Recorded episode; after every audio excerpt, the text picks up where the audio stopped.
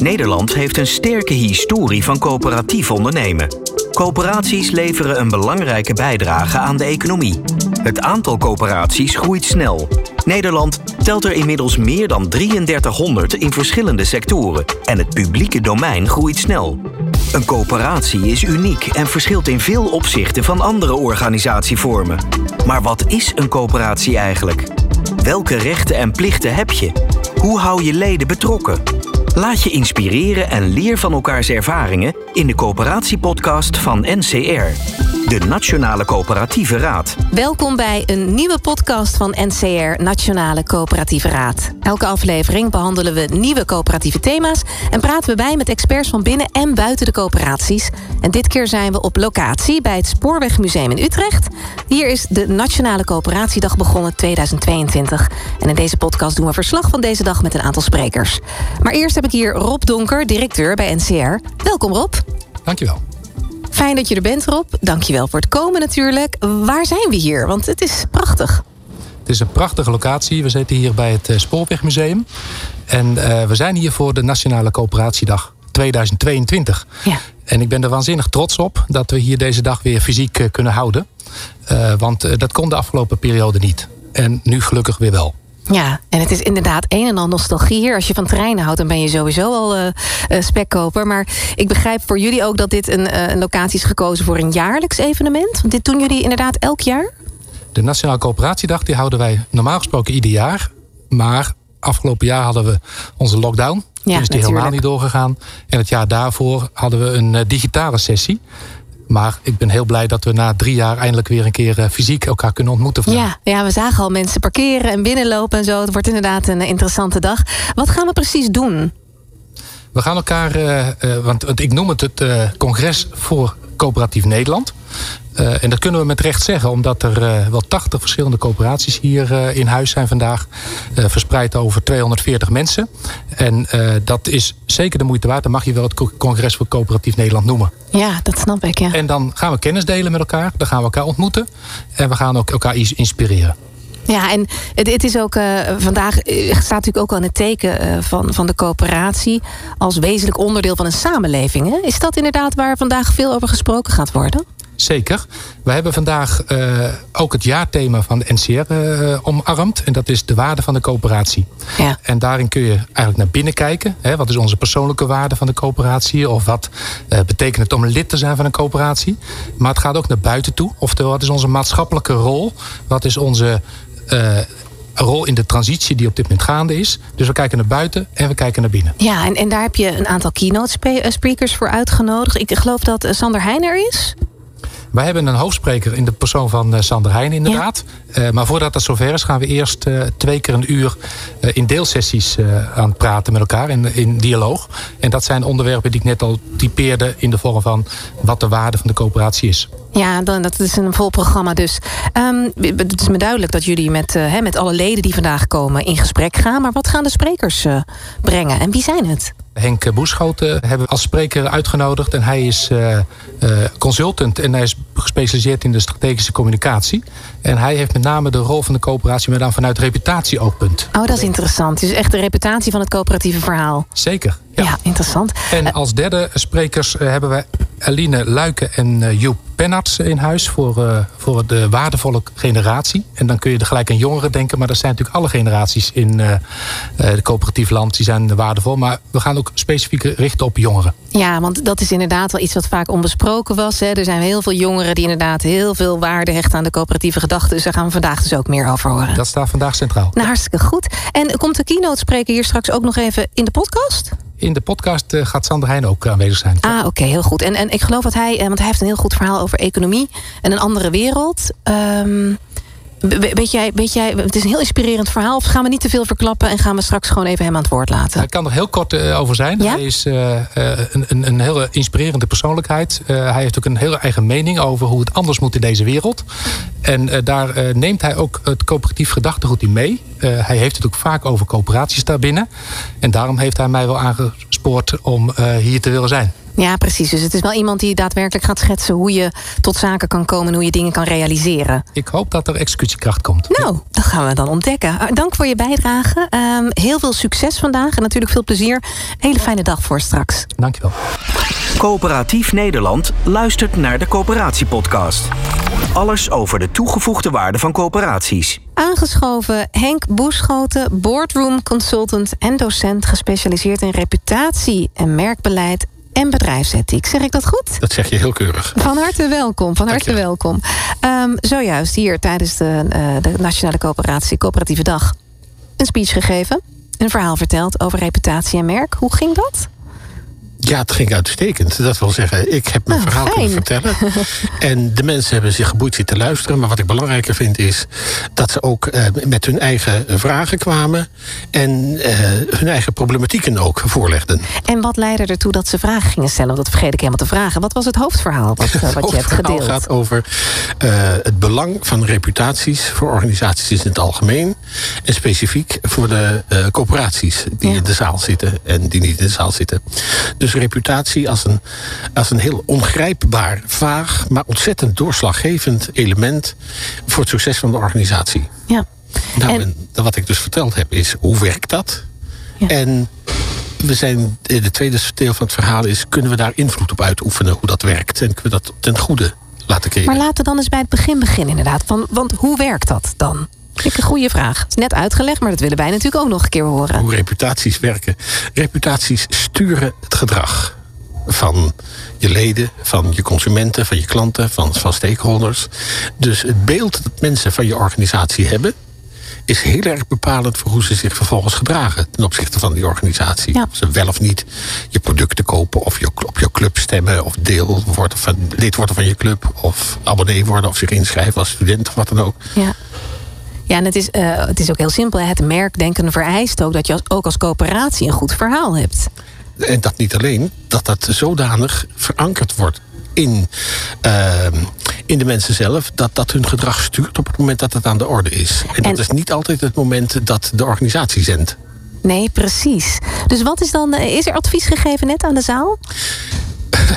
Er zijn verschillende adviezen gegeven.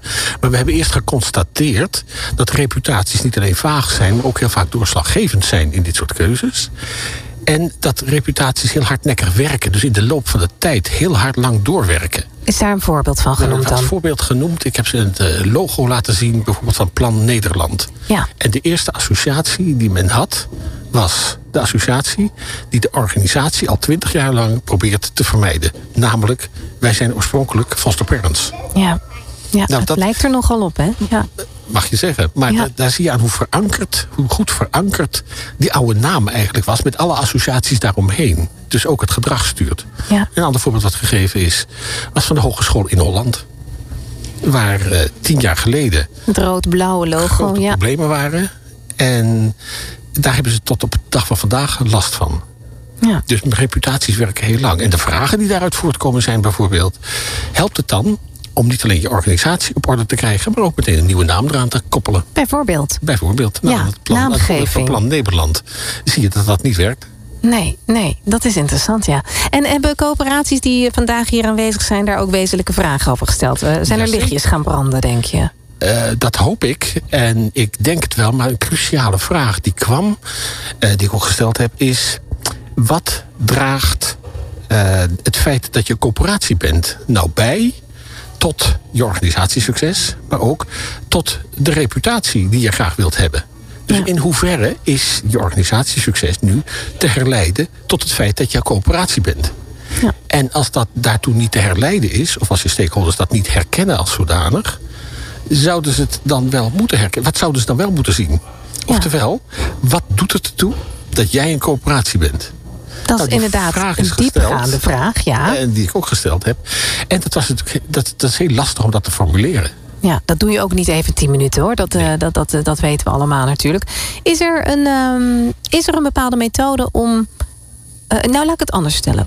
Hoe begin je het gesprek over de reputatie binnen de coöperatie bijvoorbeeld? Door de relevantie ervan te laten zien. Een goede reputatie helpt je enorm op allerlei manieren. Een slechte reputatie, reputatie zit je enorm in de weg. Ja. Kortom, het is relevant om het erover te hebben. En het is relevant om een goede reputatie te hebben. Daar begint het mee. En als dat besef ingedaald is, dan is de volgende stap: oké. en welke reputatie hebben we dan?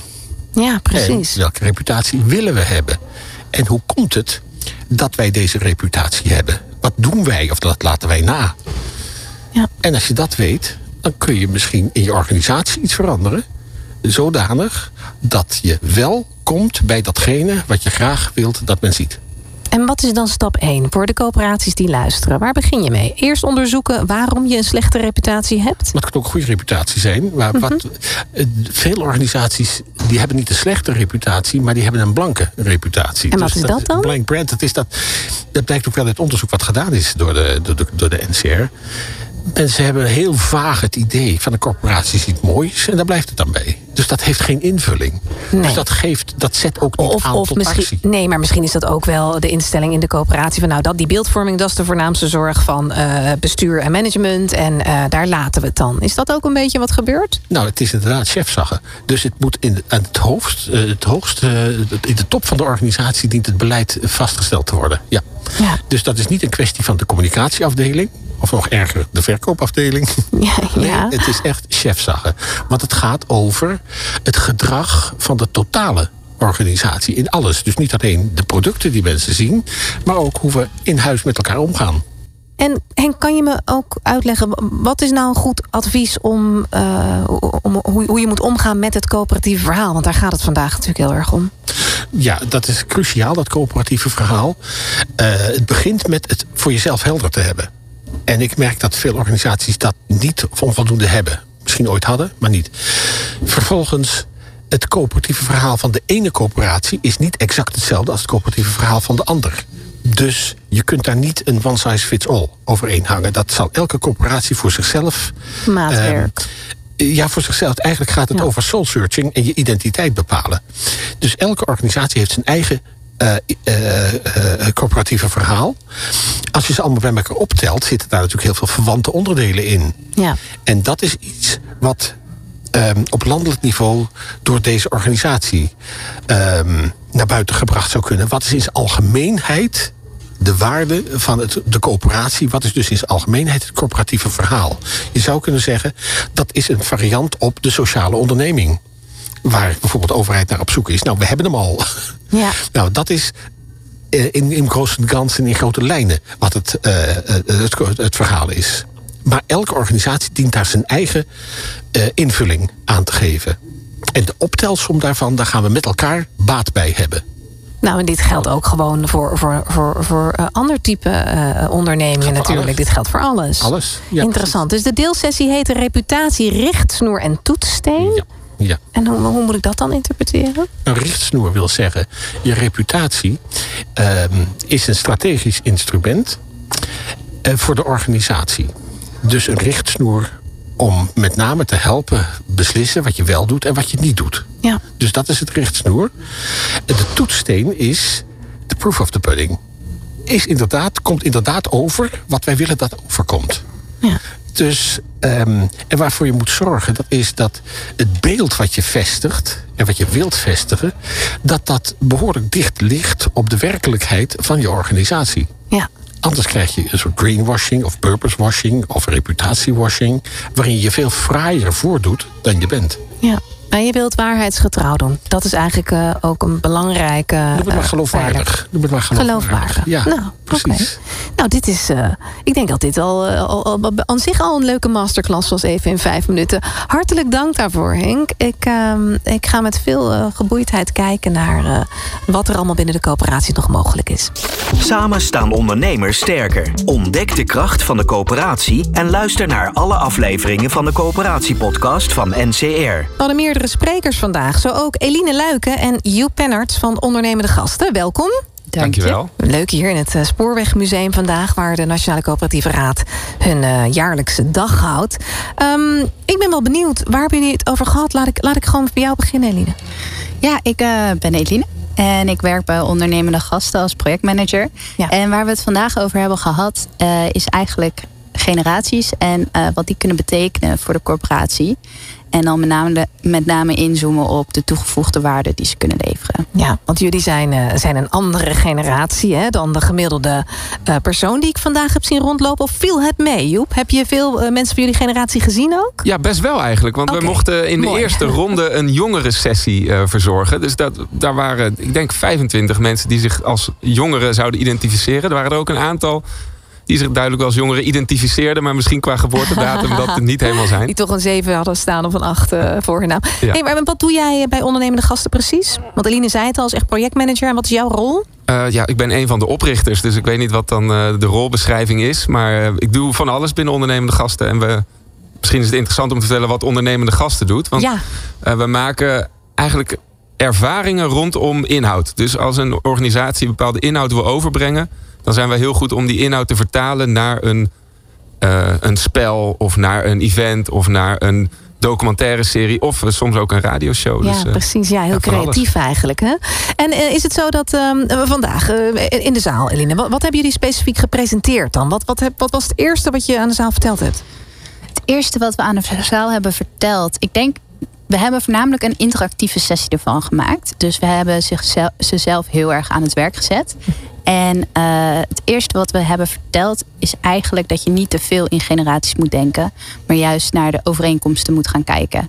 In plaats van heel erg focussen op uh, deze generatie doet het anders dan de andere generatie. Ja, dus het is niet alleen maar jongeren betrekken en bereiken, maar even terug naar de basis van wat is nou eigenlijk de strategie die daarachter zit. Je moet dus veel breder denken.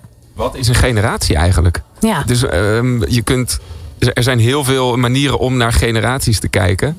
Uh, en, en, in de basis is een generatie een groep mensen die dezelfde dingen heeft meegemaakt in zijn of haar of hun jeugd. Ja. Um, we zitten hier in het Spoorwegmuseum. Hè? Je loopt hier rond met die treinen. Ik bedoel, heel veel trein, generaties treinen. Ja, heel veel generaties treinen. En die naast ons, dat is echt uh, zo eentje waarvan je denkt... daar zal ik gisteren nog in. Maar die blijkt dus al 15 jaar uit de handel te zijn. Uh, is dat ook, uh, Eline, voor jou um, zo'n zo dag als vandaag? Hè? Hoe, hoe, kan je rekening houden met verschillen... en misschien wel de verrassende overeenkomsten ook tussen generaties? Is dat ook waar je zo'n interactieve game dan over laat gaan? Of waar, waar hebben jullie voor gekozen?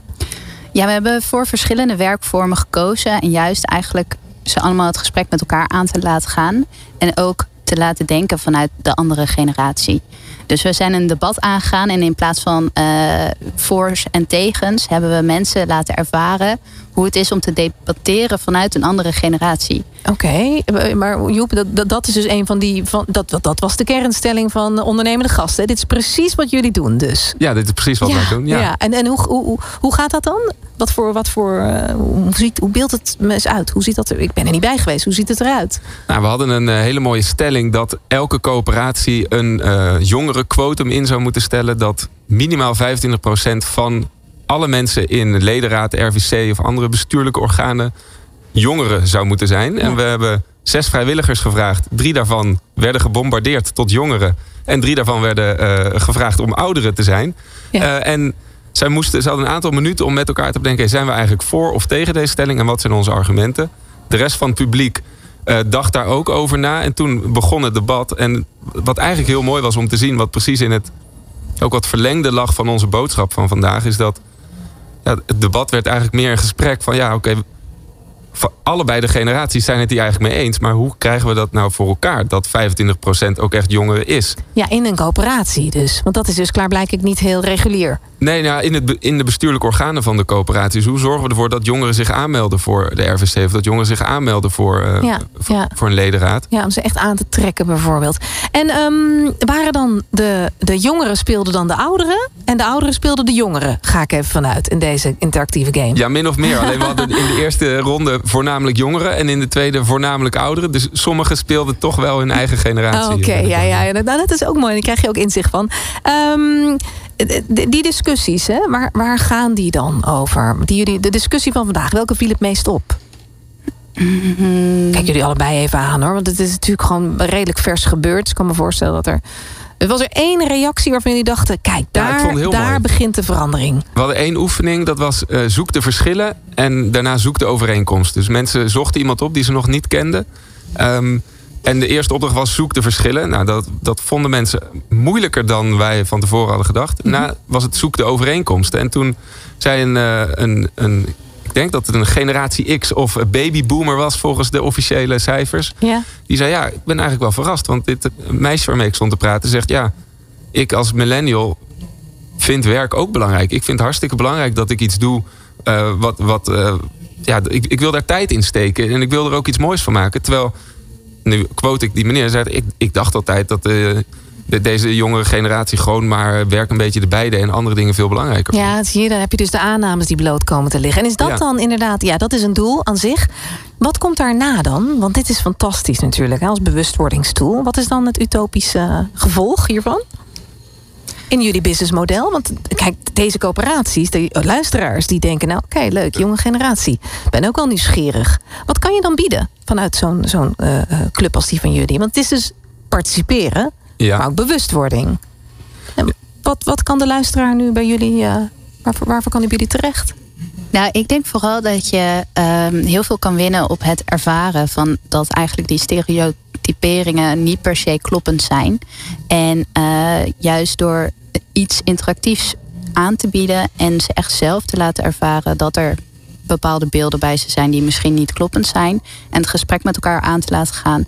Dat je daar al een heel groot deel van het vooroordeel van weg kan halen. Ja, en dus ook, en ook de, de, de conversie naar die actie. Hoe, hoe zorg je nou voor dat je die mix krijgt van de juiste generaties in een coöperatie? Dat je dan dus eigenlijk een beginnetje aangereikt krijgt. Dat is wat jullie vandaag hebben gedaan. Ja, en nu hebben we dat natuurlijk met een kleine groep gedaan. Als je dat met een veel grotere groep binnen een coöperatie doet en laat ervaren van oké, als, we, als we ons blijven richten op jij bent van die generatie en ik van deze, dus wij zijn niet met elkaar eens, ja, dan, dan stopt het gesprek. ja, dan houdt Terwijl- het op. Ja. Ja, terwijl als je gaat kijken, oké, jij bent weliswaar wat ouder of jij bent weliswaar wat jonger, maar waarom kijk je eigenlijk op die manier en, en, en waarom kijk ik op deze manier? Dan kom je tot hele andere eh, gesprekken. Ja. En dan kom je er ook achter dat het verschil misschien helemaal niet in de generatie zit, maar misschien wel door bepaalde normen en waarden die je vroeger hebt meegekregen, of misschien wel door eh, de, bedrijfsfase waar je in zit, of het type bedrijf wat je Ja, hebt. je zegt eigenlijk, je haalt eigenlijk een angel ergens uit. Je zegt, het is niet alleen maar een generatieverschil, jongens. Je Kijk wat verder dan je neus lang is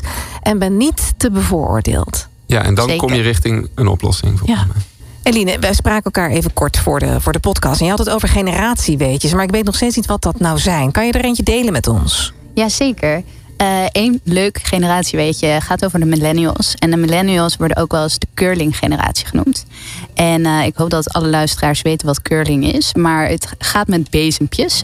En eh, deze, ja, de millennials, die hebben dus ouders die alle problemen uit de weg hebben gebezemd. Ja. En eh, daardoor eh, hebben ze een heel lo- zorgeloze jeugd gehad. En dat zijn een van de stere- stereotyperingen waar, eh, nou ja, wij een streep doorheen hebben gehaald. En, en zag je ook toen je dat vertelde, dat, dat mensen dan toch wel kijken van ja, nou dat zeg jij nu wel, maar ehm, ik geloof dat nog steeds. Waar baseren ze? Ga je Heel dan veel ook knikkende gezichten, ja. ja, heel veel knikkende gezichten. En, en geef je dan ook een tip? Hoe ga je daar dan mee om? Wij, wij kunnen dat wel vertellen. Ja, maar dit, dat is niet zo. Maar het gaat pas werken als iemand die daar zit zegt... Ja, dat is leuk, maar dat, dat klopt helemaal niet voor mij. Of dat, dat, is, dat is maar de helft van het verhaal. Ja. En dat is precies wat er gebeurde. Ja, nou, een mooie samenvatting, denk ik. Dank dat jullie er waren. Ehm, ik eh, heb er wel wat van opgestoken. Ik ga eens eventjes kijken op die website van jullie. Ehm, heel erg dank. Ik wens jullie heel veel succes met alle games, met alle shows en alle, alle creatieve concepten. En ik hoop jullie eh, weer een keertje terug te zien. Dankjewel. Dankjewel. Ontdek de kracht van de coöperatie en luister naar alle afleveringen van de Coöperatiepodcast.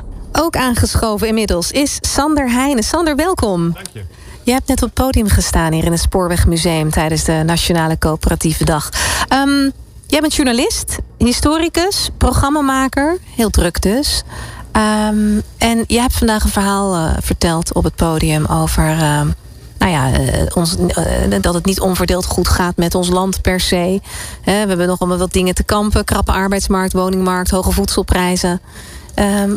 Wat heb jij het publiek net verteld? Nou, ik denk dat we nu in de tijd, in de fase zitten, dat we eigenlijk een beetje de, de, de natuurlijke grenzen van de groei die we aankunnen als land, dat we die hebben bereikt. We zijn met bijna 18 miljoen mensen. We willen in dit land boeren, we willen wonen, we willen vliegen, we willen met onze auto's rijden, we willen recreëren, we Hele willen hoop, ja. we willen van alles. En hoe meer, met hoe meer mensen we zijn, hoe meer we willen.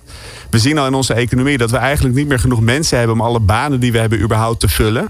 En de oplossing uh, van veel werkgevers is dan toch laten we op zoek gaan naar meer arbeidsmigratie. En nog meer mensen deze kant op halen die weer willen wonen, die weer willen vliegen, die weer willen autorijden. Ja, houdt het wel in stand zo, ja. Ja, en, en we zitten eigenlijk op een uh, we zien het, je hoeft het journaal maar aan te zetten. En je ziet de botsingen die daaruit voortkomen. Hè. De wooncrisis, uh, de stikstofcrisis, de, nou, noem al het lerarentekort, noem al die crisis maar op.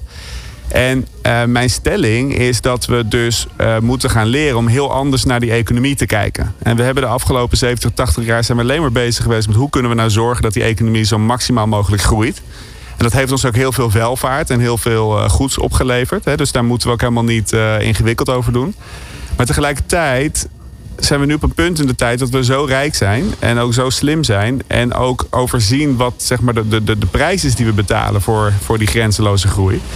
En ik denk dat het, zelfs als je het zou willen, het is niet eens per se uh, een mening, maar ik kom op basis van al die cijfers tot de analyse dat we eigenlijk, eigenlijk uh, van het groeipad af willen. En dat we met elkaar moeten gaan nadenken van hoe zouden we nou aan een samenleving kunnen bouwen waarin we welvarend blijven, waarin we, uh, ons welzijn hoog is. Ja. Uh, waarin er voor iedereen plek is. Maar tegelijkertijd waarin we op andere, op andere zaken gaan focussen dan proberen verder te groeien. Omdat de problemen die we nu hebben, die komen voort uit die groei.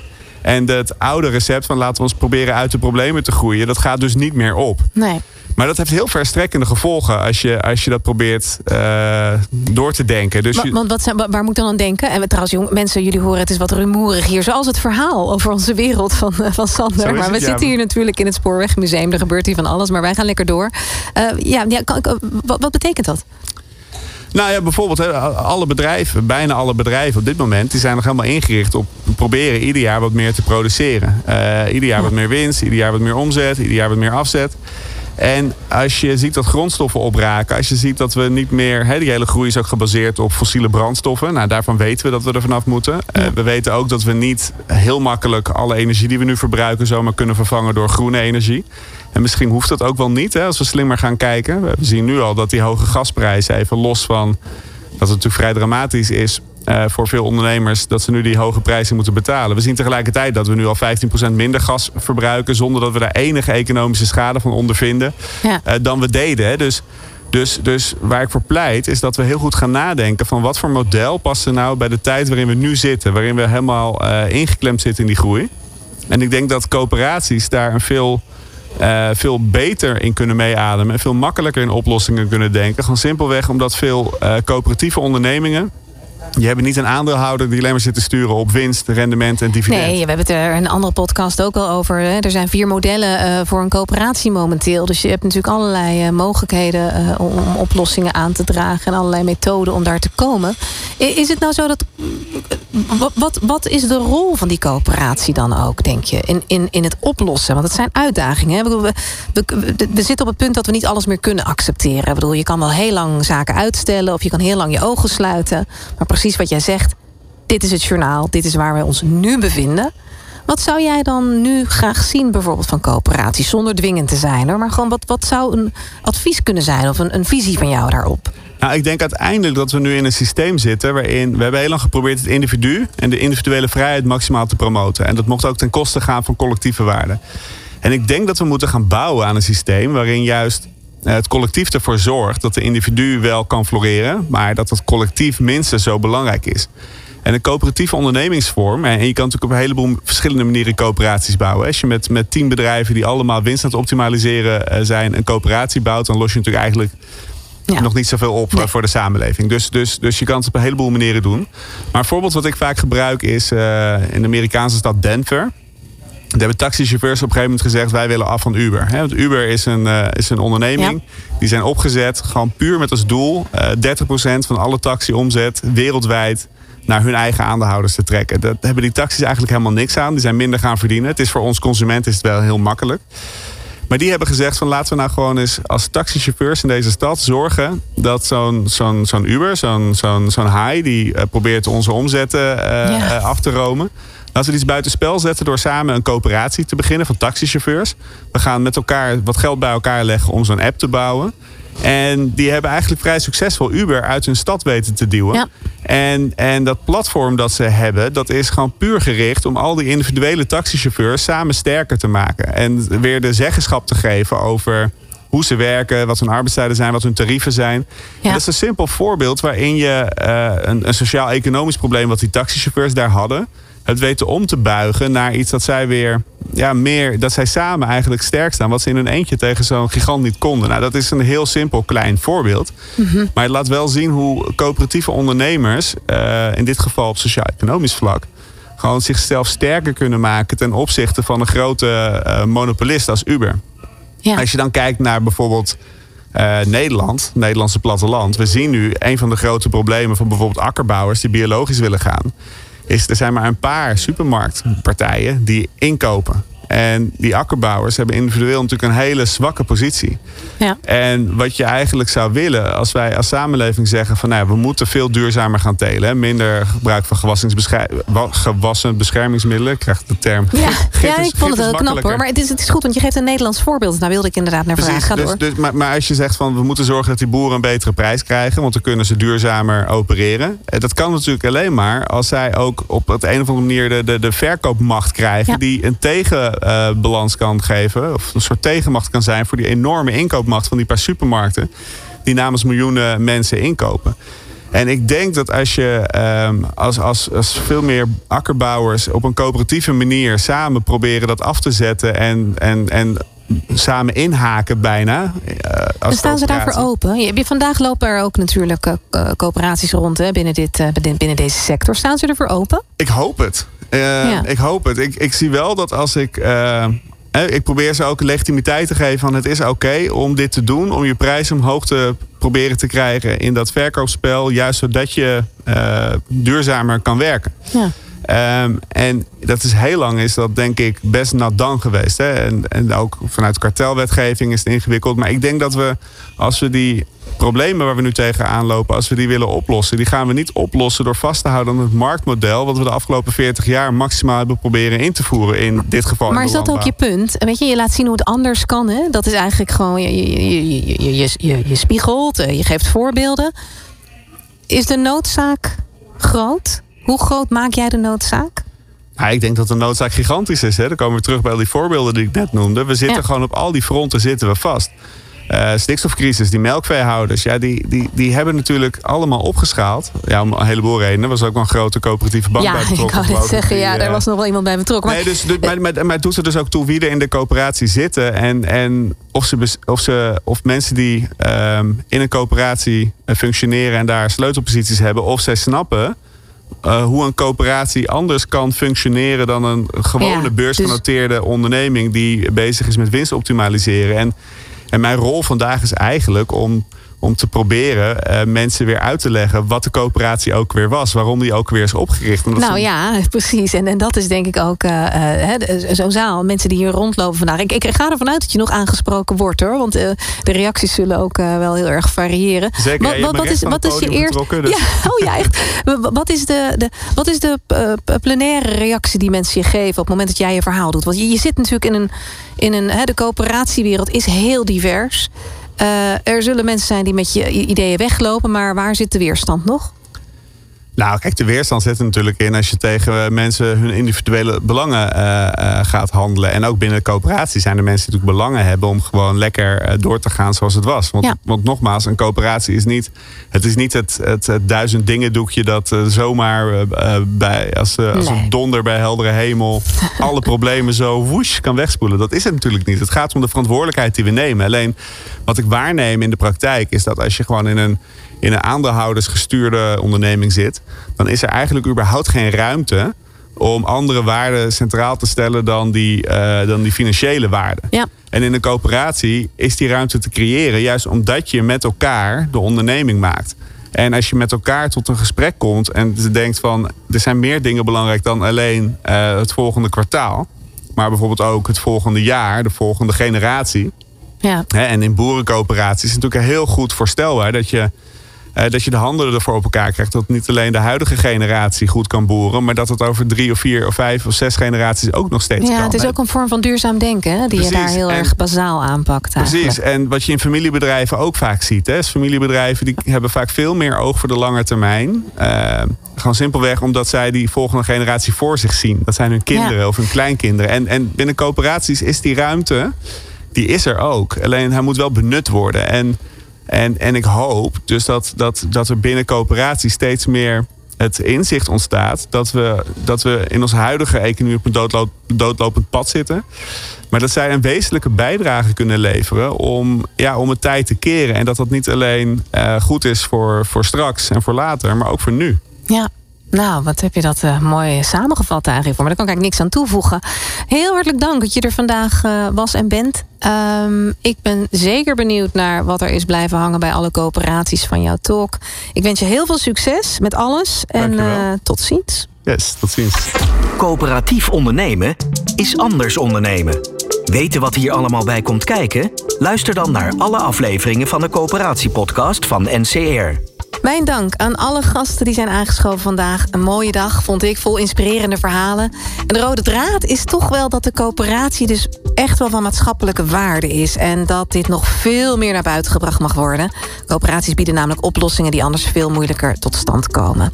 Wilt u zelf meer weten over de Nationale Coöperatiedag? Ga dan naar de website van NCR. Of neem contact op met NCR via de mail of bel ze. Volgend jaar is er weer een nieuwe editie van deze dag met een nieuw thema. En blijf natuurlijk ook de podcast volgen. Veel van de besproken onderwerpen komen weer terug in de volgende podcast. Denk aan het besturen van coöperatie, ledenbetrokkenheid en meer. Voor nu wens ik jullie allemaal een fijne dag. Bedankt voor het luisteren en tot de volgende keer.